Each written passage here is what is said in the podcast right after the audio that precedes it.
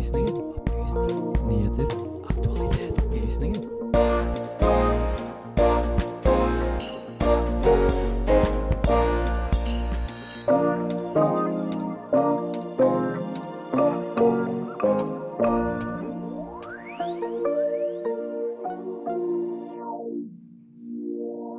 I dag er det ett år siden Russland invaderte Ukraina. Hvordan er situasjonen nå, og hva vil skje videre? Adopsjonsskandalen i Ecuador rammet flere norske familier. Nesten 40 år senere ønsker de nå voksne adoptivbarna svar fra norske myndigheter på hvorfor de håndterte saken som de gjorde. Hvordan har feminismen endret menns liv? Hvorfor syns så mange menn det er skummelt at de tradisjonelle kjønnsrollene endres?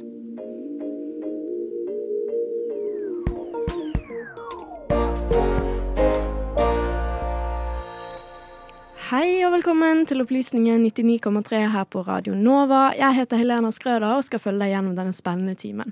Med meg her i studio så har jeg fått besøk av Frida Kristine Mogård. God morgen, Frida. God morgen, god morgen. Og så har jeg fått med meg eh, Karl Biel. God morgen, Karl. God morgen. Og så har jeg også fått på besøk av Benjamin Nordtømme. God morgen, Benjamin. God morgen, god morgen, god morgen. Ja, Har dere fått sovet godt i natt, folkens? Ja. Nei, Hvorfor det? Jeg sovna litt seint, og så måtte jeg jo våkne litt tidlig. Så det var liksom Det var egentlig bare kort søvn. Søvnen jeg hadde, var god, men jeg er liksom ikke uthvilt, kan man si. Har du ikke fått uh, drømt noe? Jeg, jeg har sikkert det, men i så fall husker jeg ikke hva drømmen var. Har du fått drømt noe, Karin? Jeg har ikke fått drømt noen ting, men jeg våknet opp i en drøm Oi. uh, idet det er så mye snø ute. Uh, jeg har fått julestemning og skal vurdere å dra på juleshopping. Ja. Du da, Benjamin? Jeg har jeg tror en kombinasjon av eh, dårlig og godt. Jeg tror jeg har sovet også sovet godt, men jeg, jeg sto opp litt altså, våknet av meg selv veldig tidlig. Og så er det den derre ah, Skal jeg legge meg til å sove igjen nå? Skal jeg satse på at alarmene funker og sånn? Eh, jeg gjorde jo det. Eh, og det var en dårlig søvn. Ja. Den halvtimen kanskje jeg fikk. Mm, Eh, men det, sånn skjer. Sånn skjer. mm. Dager startes på verre måter. Enn du, Helena? Nei, jeg sov egentlig ganske greit. Skulle ønske jeg kunne sove lenger. Men, Ja. men det var akkurat det når jeg våknet i dag, så jeg hadde jo egentlig bestemt meg for at det var vår. Um, så når jeg gikk ut i dag, så ble jeg litt lei meg. Så tenkte jeg ja ja, da, det var ikke vår likevel. Har du fått julestemning? Ja, faktisk. Jeg tenkte det hadde vært så perfekt hvis det var liksom desember, og så var det litt sånn Ja, det hadde vært eh, digg. Men slik er det ikke. Det er februar, og det er mars snart. Eh, men ja, vi har eh, veldig masse spennende på lur som vi skal snakke om i dag, eh, så det er bare å glede seg. Men først så skal du få høre litt god musikk. Her får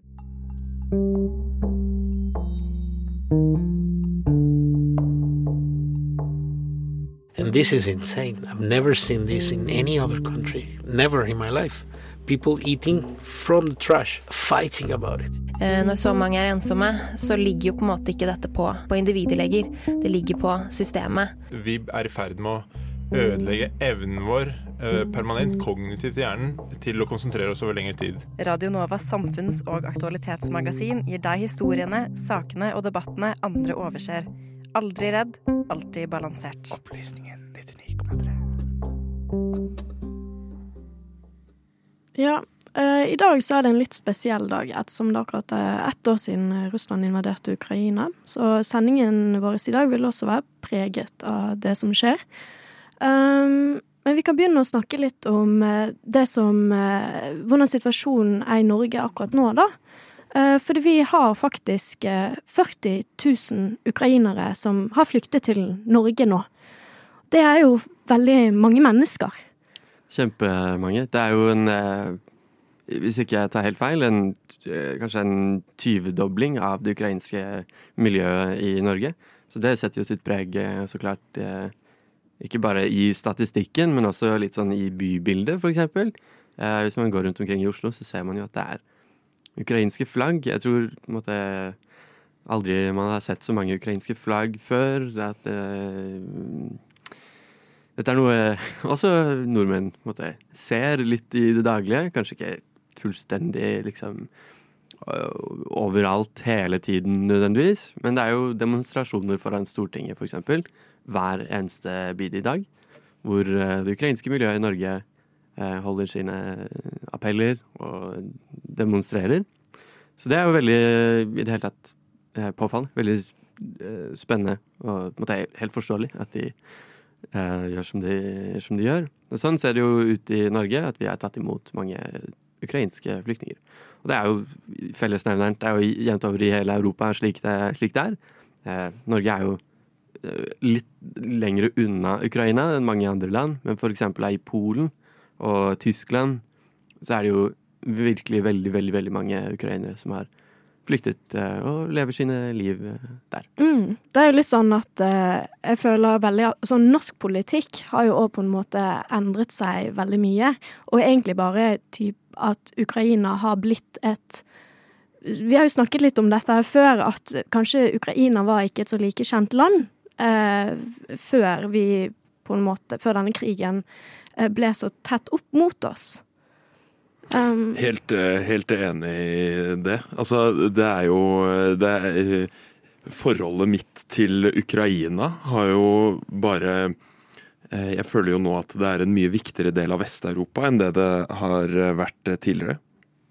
Altså, Ukraina geografisk ligger jo ganske langt øst, i, øst på kontinentet. Men det at det er en del av kontinentet, det at det er liksom eh, Kanskje tydeligere for folk enn det har vært før, at Ukraina er stort og svært og viktig også for oss. Da.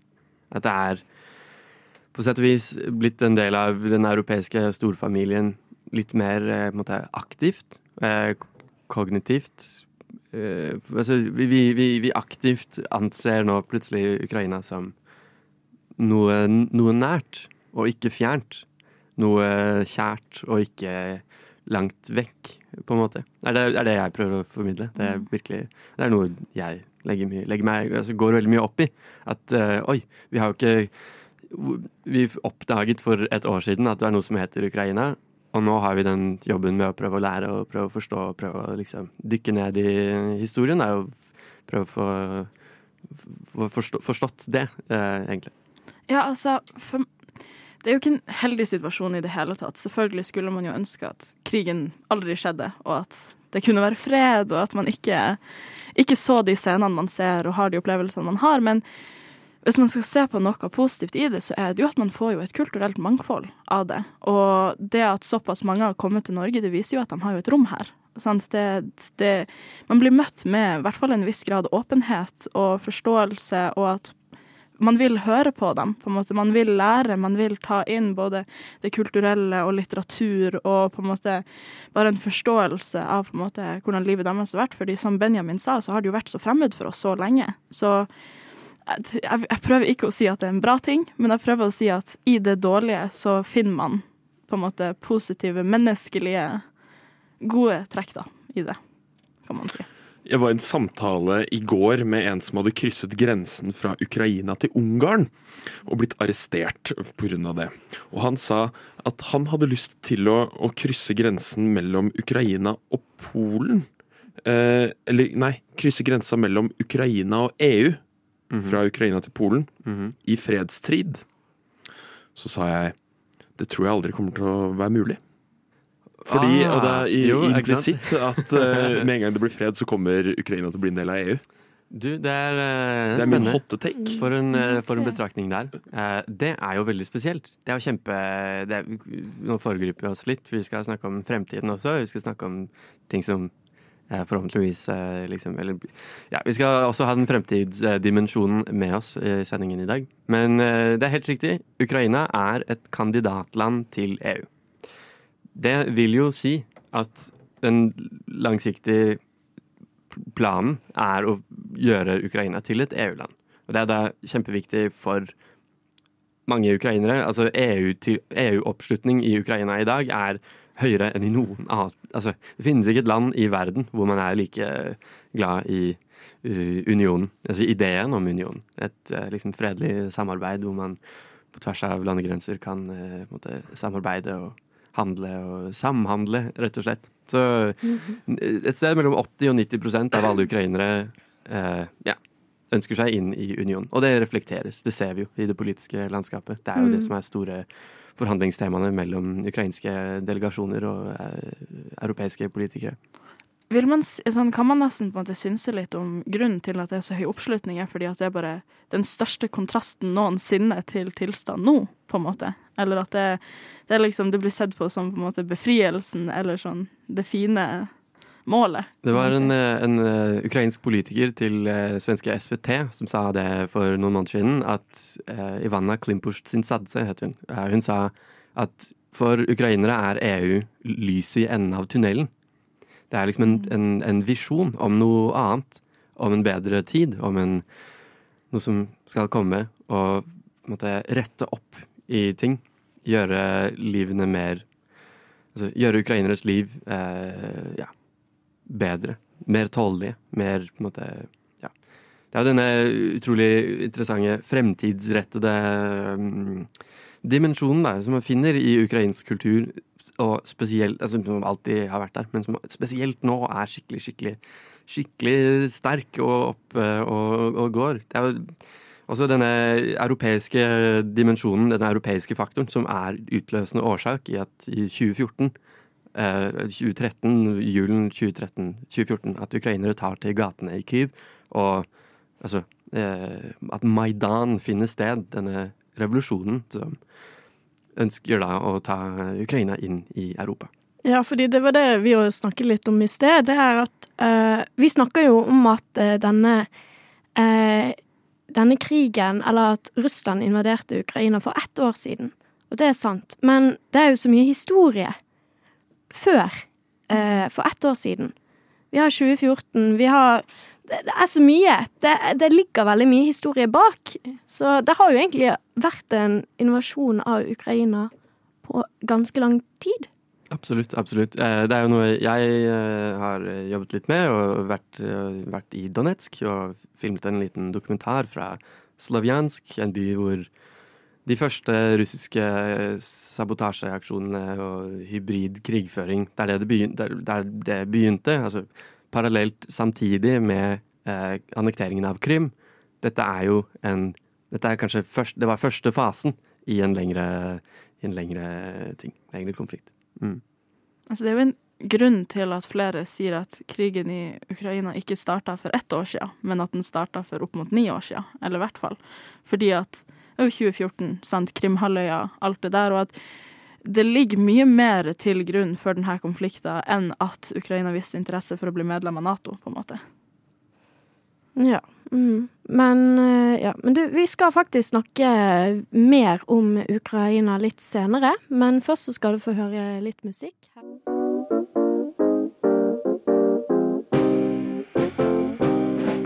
hører på Radio Novas samfunns- og aktualitetsmagasin Opplysningen. Hver fredag fra klokken 10 til 11 på Radio Nova. Opplysningen på Radio Nova.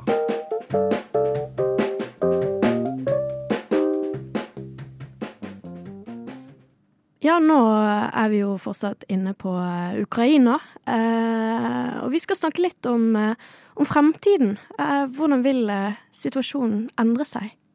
Ja, Vi var inne på det litt her mens, vi, mens dere hørte en sang her på lufta. Så snakket vi litt om eh, det store overhengende spørsmålet, sånn taktisk, da, militærtaktisk kan du si, eh, er jo når Ukraina setter i gang sin eh, motoffensiv.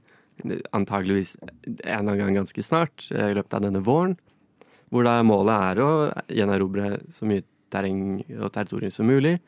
Eh, det er jo da utpreget egentlig det som er det over, overhengende målet i, også blant, eh, man hører også blant vestlige politikere at man sier Ukrainas grenser er 1991. Det, er, det inkluderer også Krim-halvøya.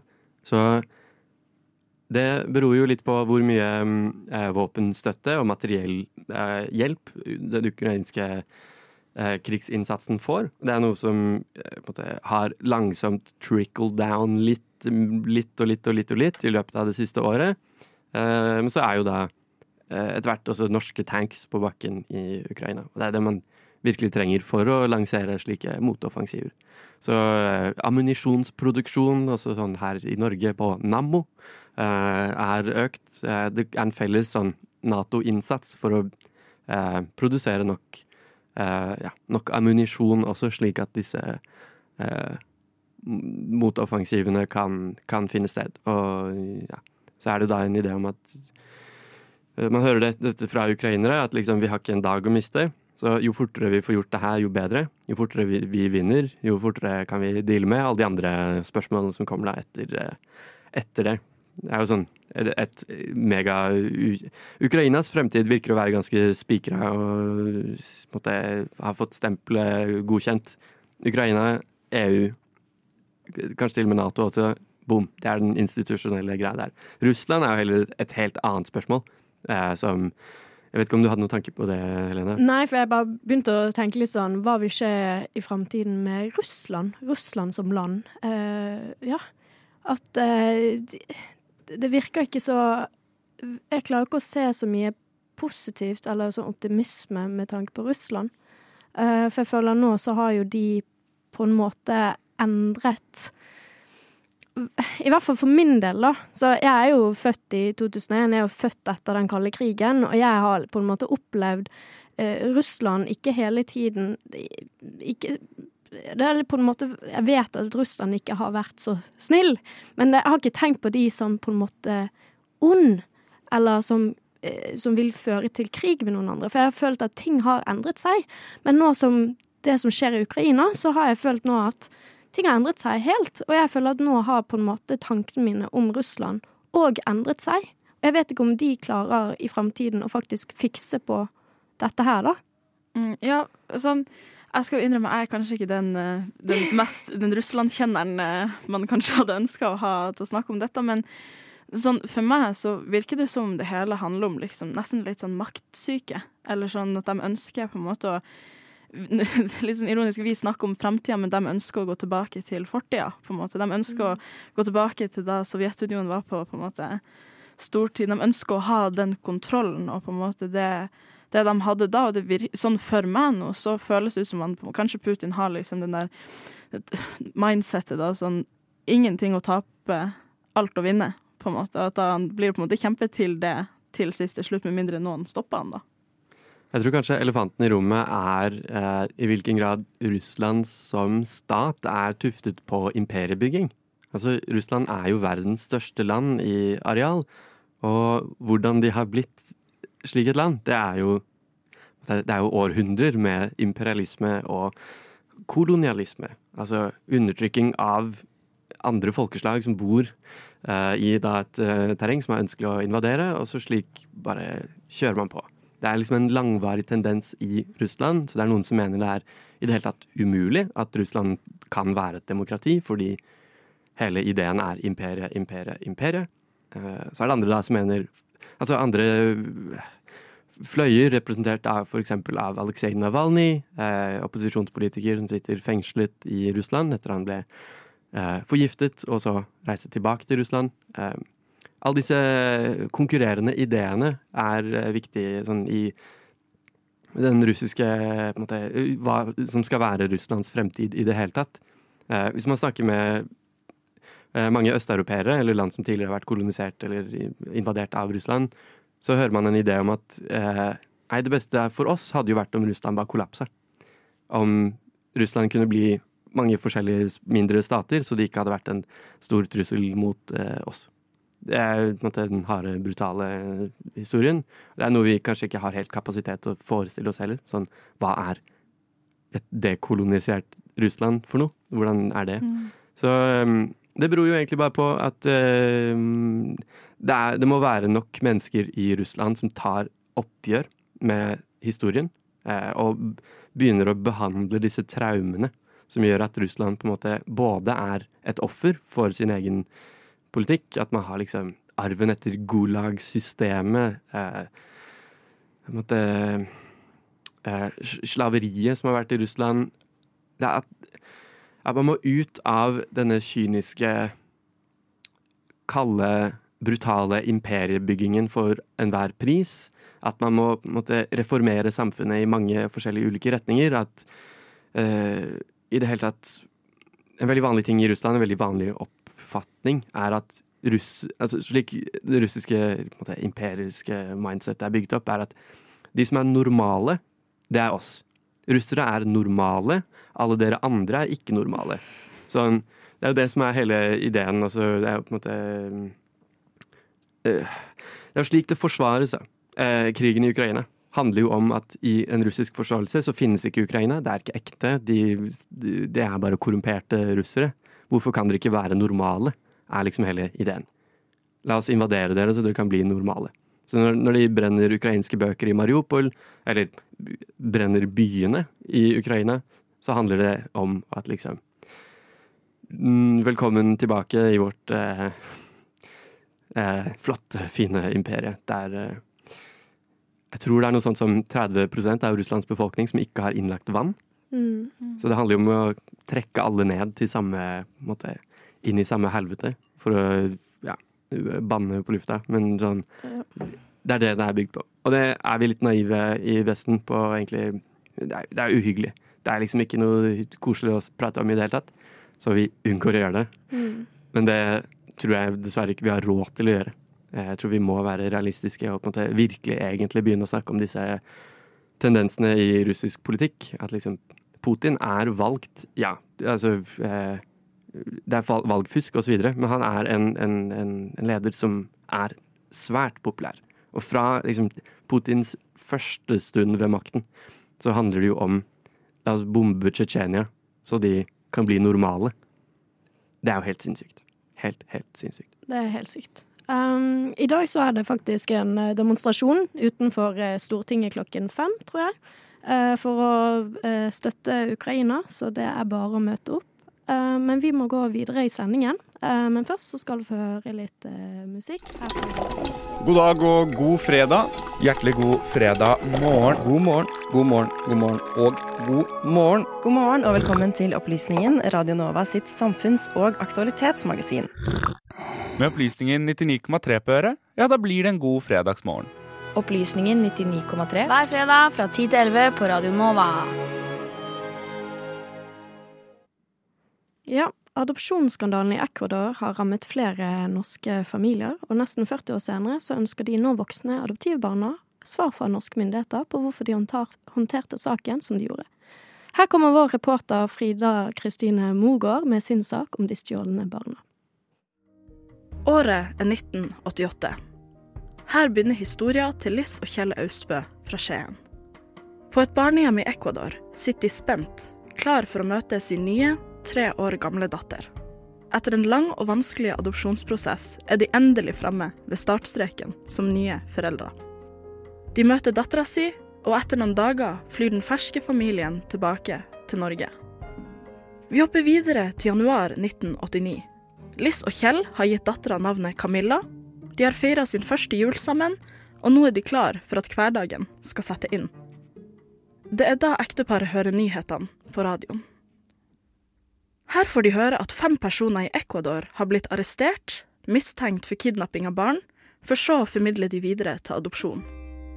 Liss får vondt i magen idet hun hører at flere av disse barna skal være sendt til Norge. Myndighetene i Ecuador vil nettopp ha dem tilbake. Liss og Kjell kjører til Oslo, fordi her skal Adopsjonsforum holde krisemøte om situasjonen. Rommet er fylt med andre engstelige par som alle mangler svar. Og svar får de, men ikke av den gode typen.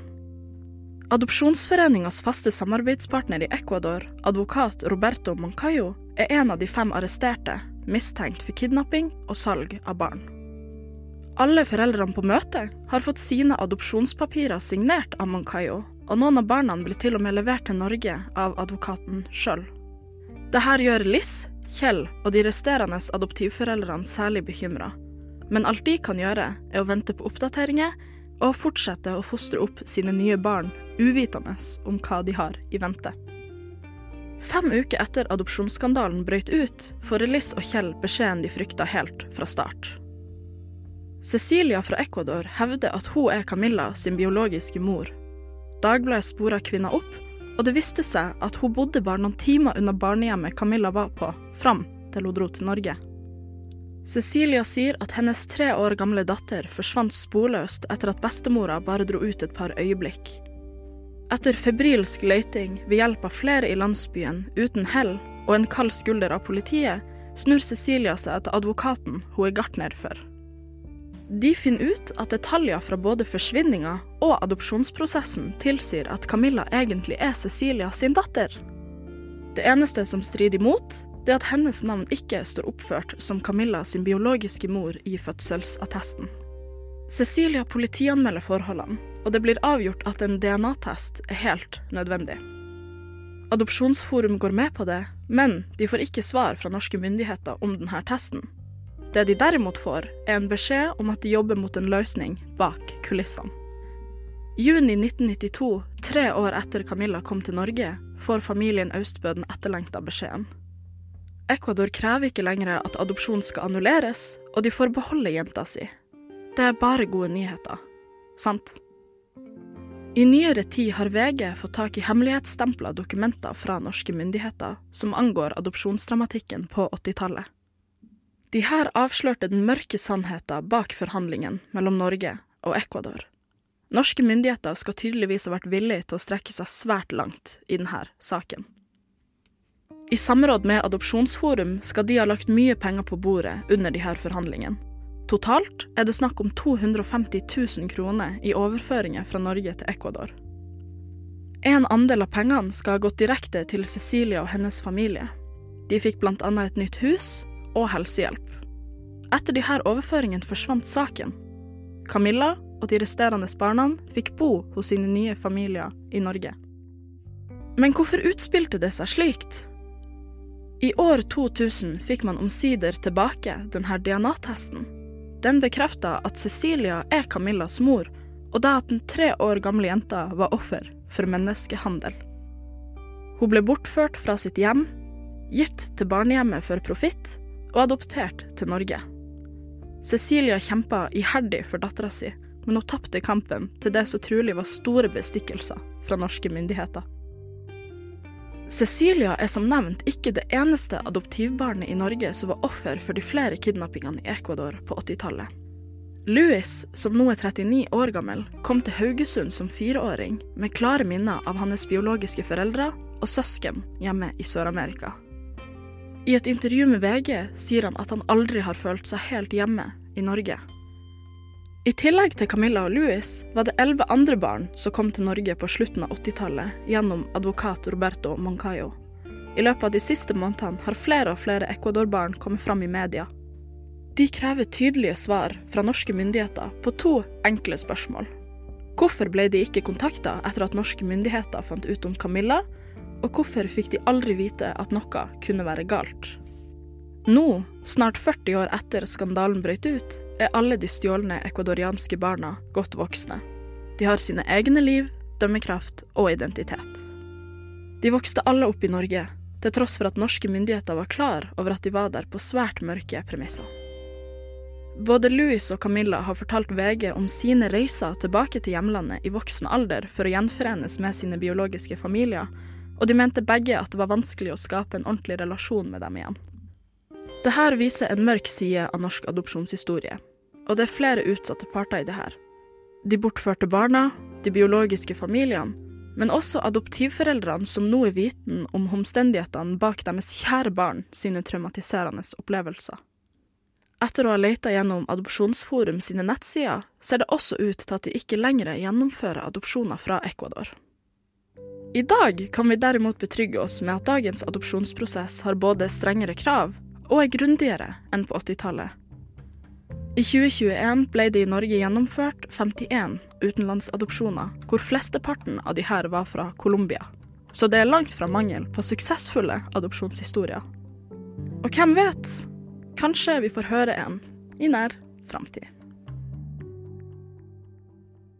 Reporter i denne saken var Frida Kristine Mogård. Musikken er hentet fra Blue Dot Sessions.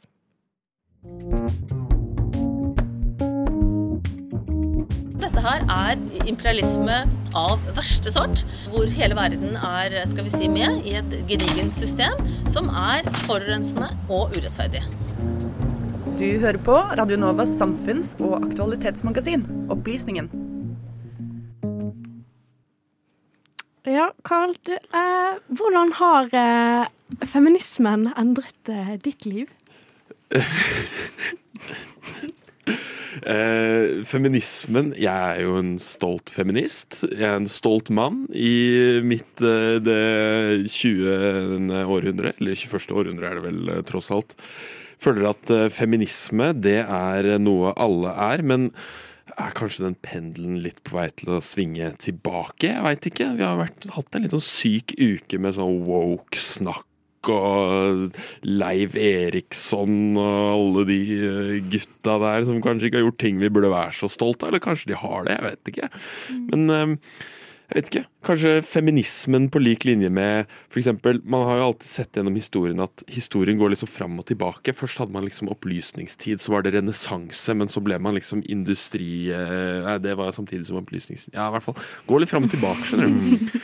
Og jeg lurer på om kanskje liksom feminisme Kanskje man på en måte finner en sånn gyllen middelvei på et eller annet tidspunkt? Gjør man ikke det? Jo, ja, ja.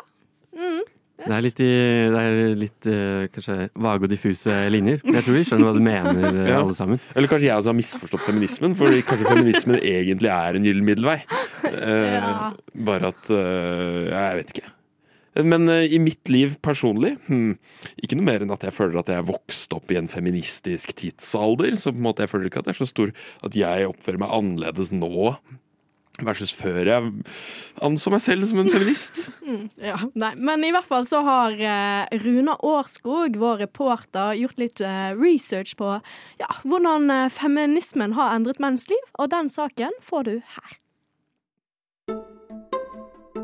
Kvinner ble sett på nærmest som en annen art. Som ikke har rasjonelle evner. Altså på en måte er virkelig underdanig. Og det var jo ganske med normen gjennom vår beste historie. Kvinner kunne jo ikke arve gårder eh, før i 1974. Veldig mange gutter i dag de vokser opp med en helt annen tillatelse til å være lei seg og triste og synes at ting kan være vanskelig. Jeg syns jo at dette med kvinnefattigdom er en veldig stor utfordring. Både menn og kvinner eh, mister veldig mye muligheter. Så jeg har vært opptatt av at menn også skal få nye muligheter gjennom likestillingskampen. Du lytter til serien Kvinnekampen. Dette er episode to. Mannsrollen etter feminismen.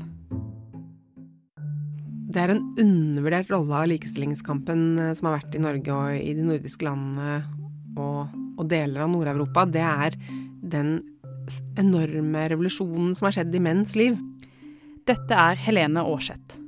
Hun er professor på Senter for tverrfaglig kjønnsforskning på Universitetet i Oslo. Aarseth har spesialisert seg på kjønn, kjønnsbalanse og den moderne familie. I denne episoden skal hun hjelpe oss med å forstå hvordan likestillingskampen har påvirket menns liv. Og kanskje hjelpe oss med å nøste opp i hvorfor så mange menn føler seg så utrygge i det moderne samfunnet. Det er ingen tvil om at feminismen har endret hele samfunnet for oss alle sammen.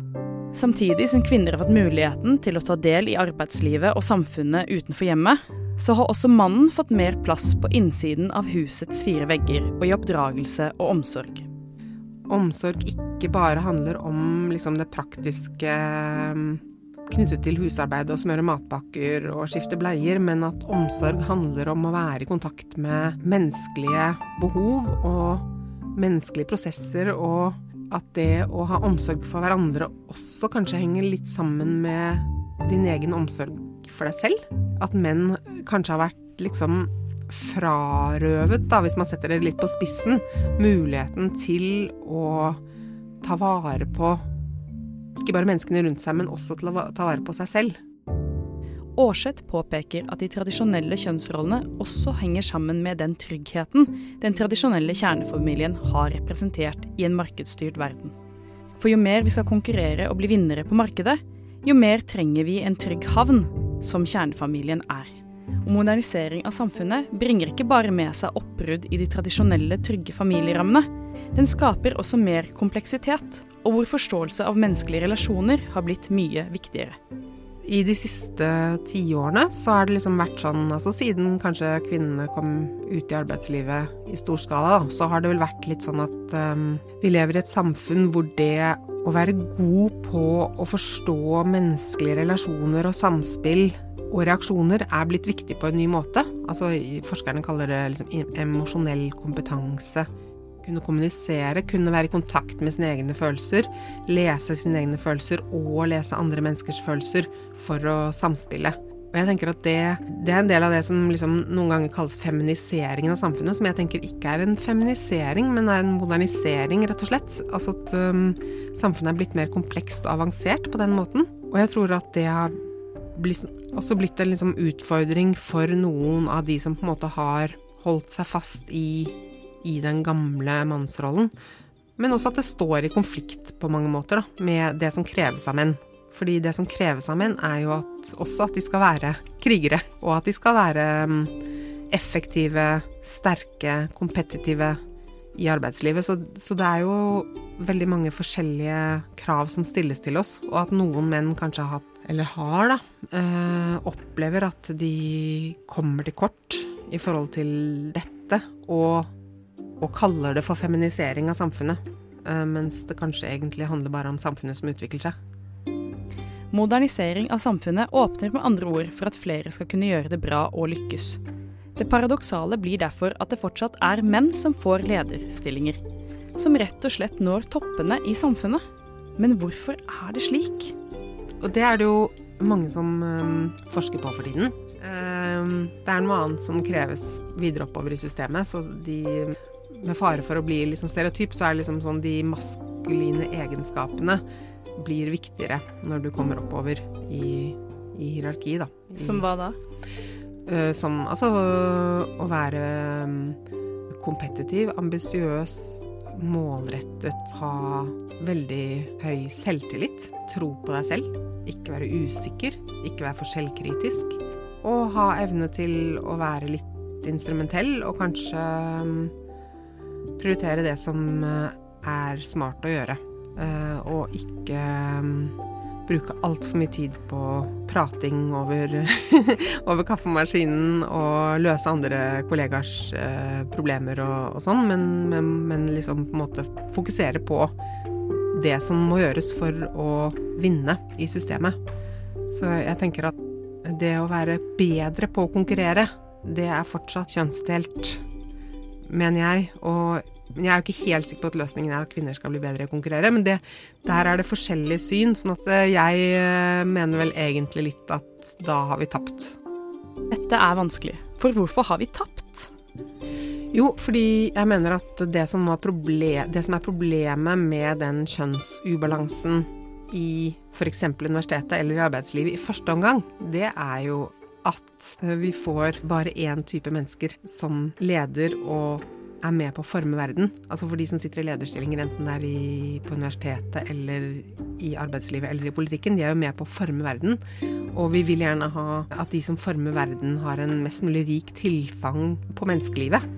Mens hvis vi dyrker fram en, en sånn uh, markedsorientert, markedsrettet konkurranse, som jeg mener man gjør veldig mye i dag da, i arbeidslivet, og i politikken også for den saks skyld, så får vi kanskje nettopp de menneskene som er mer orientert mot å vinne konkurransen, og mer instrumentelle og mer målrettet og mer selvsikre.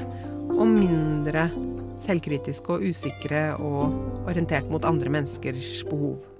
Og, og mer villig til å ofre egne behov også, for den saks skyld. Men jeg tenker at da var jo vinninga gått opp i spinninga, for å si det sånn, med likestillingen. Likestillingen skal med andre ord skape mer mangfold i verden. Der alle, uavhengig av kjønn, skal få muligheten til å utfolde seg. Det å kunne leve et helt liv er sentralt her. Og for at det skal muliggjøres, må samfunnet legge til rette for at det skal skje. Og noe har jo allerede skjedd. Med pappaperm og endringer i hva det er å være mann. Det at jeg mener at det har skjedd en veldig stor endring i menn, og særlig fedres relasjon til barn og sånn, da, som kanskje er litt underkommunisert, det at jeg også tenker at det har skjedd en veldig stor endring i gutters oppdragelse, hvis man skal si det, eller oppvekst. Og det som jeg, som jeg, også tenker er litt sånn underfokusert, som har fått litt lite oppmerksomhet. Jeg tenker at veldig mange gutter i dag, de vokser opp, altså sånn smågutter i dag, da, at de kan, de kan gråte, de kan være lei seg, og de kan sette ord på hvorfor de er lei seg. Og det var ikke noe som gutter ble tillatt å gjøre for en generasjon, bare en generasjon siden. Så der har det også skjedd en veldig stor endring, tror jeg. Det er helt tydelig at det har skjedd store endringer. Det er ikke bare kvinnens liv som har blitt snudd på hodet etter at de første feministene tok til gatene for å kreve rettigheter på lik linje med menn. Mannens rolle har også endret seg. Menn kan i dag ta utdannelse innenfor omsorgsyrker, ta mer del i familielivet og ikke minst få utfolde seg mer som et helt menneske. Det er fortsatt en lang vei å gå når det kommer til mer mangfold i toppen av verdenseliten. Der må både menn og kvinner kjempe for at vi får en mer mangfoldig elite som kan styre verden til å skape enda flere muligheter for den enkelte. Det skal nemlig, mener i hvert fall jeg, være plass til oss alle sammen, som hele mennesker som lever våre beste liv. Vi har med andre ord en lang vei å gå når det kommer til holdningsendringer i de ulike samfunnslagene. Men ett spørsmål jeg fortsatt lurer på, er om vi har kommet dit hen at menn og kvinner er likestilte på papiret. Har vi egentlig de samme juridiske rettighetene? Det skal du få svar på i neste episode av Kvinnekampen. Reporter i denne saken var Rune Årskog. Musikken er hentet fra Blue Dot Sessions. Du, Sander? Ja? Hvorfor har du blitt så smart i det siste? Jeg vet ikke, jeg spiste epler og havregrøt. Og så har jeg hørt på opplysningen, da. På Radio Nova. Ja, folkens, nå er vi dessverre på slutten av sendingen. Karl, hva skal du gjøre i helgen? Jeg skal gå ni mil på ski i Sverige. Vasaloppet heter det. Fantastisk.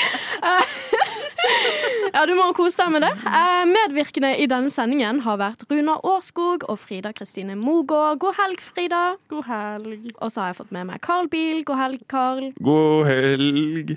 Jeg har også hatt med meg Benjamin Nordtømme. God helg til deg òg, Benjamin. God helg til alle sammen. Alle, alle der hjemme. Og god helg til deg, Helena. Og tusen takk. God helg, god helg. Mitt navn er Helena Skrøder, og du har hørt på Opplysningen 99,3 her på Radio Nova. Etter oss kommer Studentnyhetene, men før det får du litt god musikk. Her kommer Æra av Anna Kayander.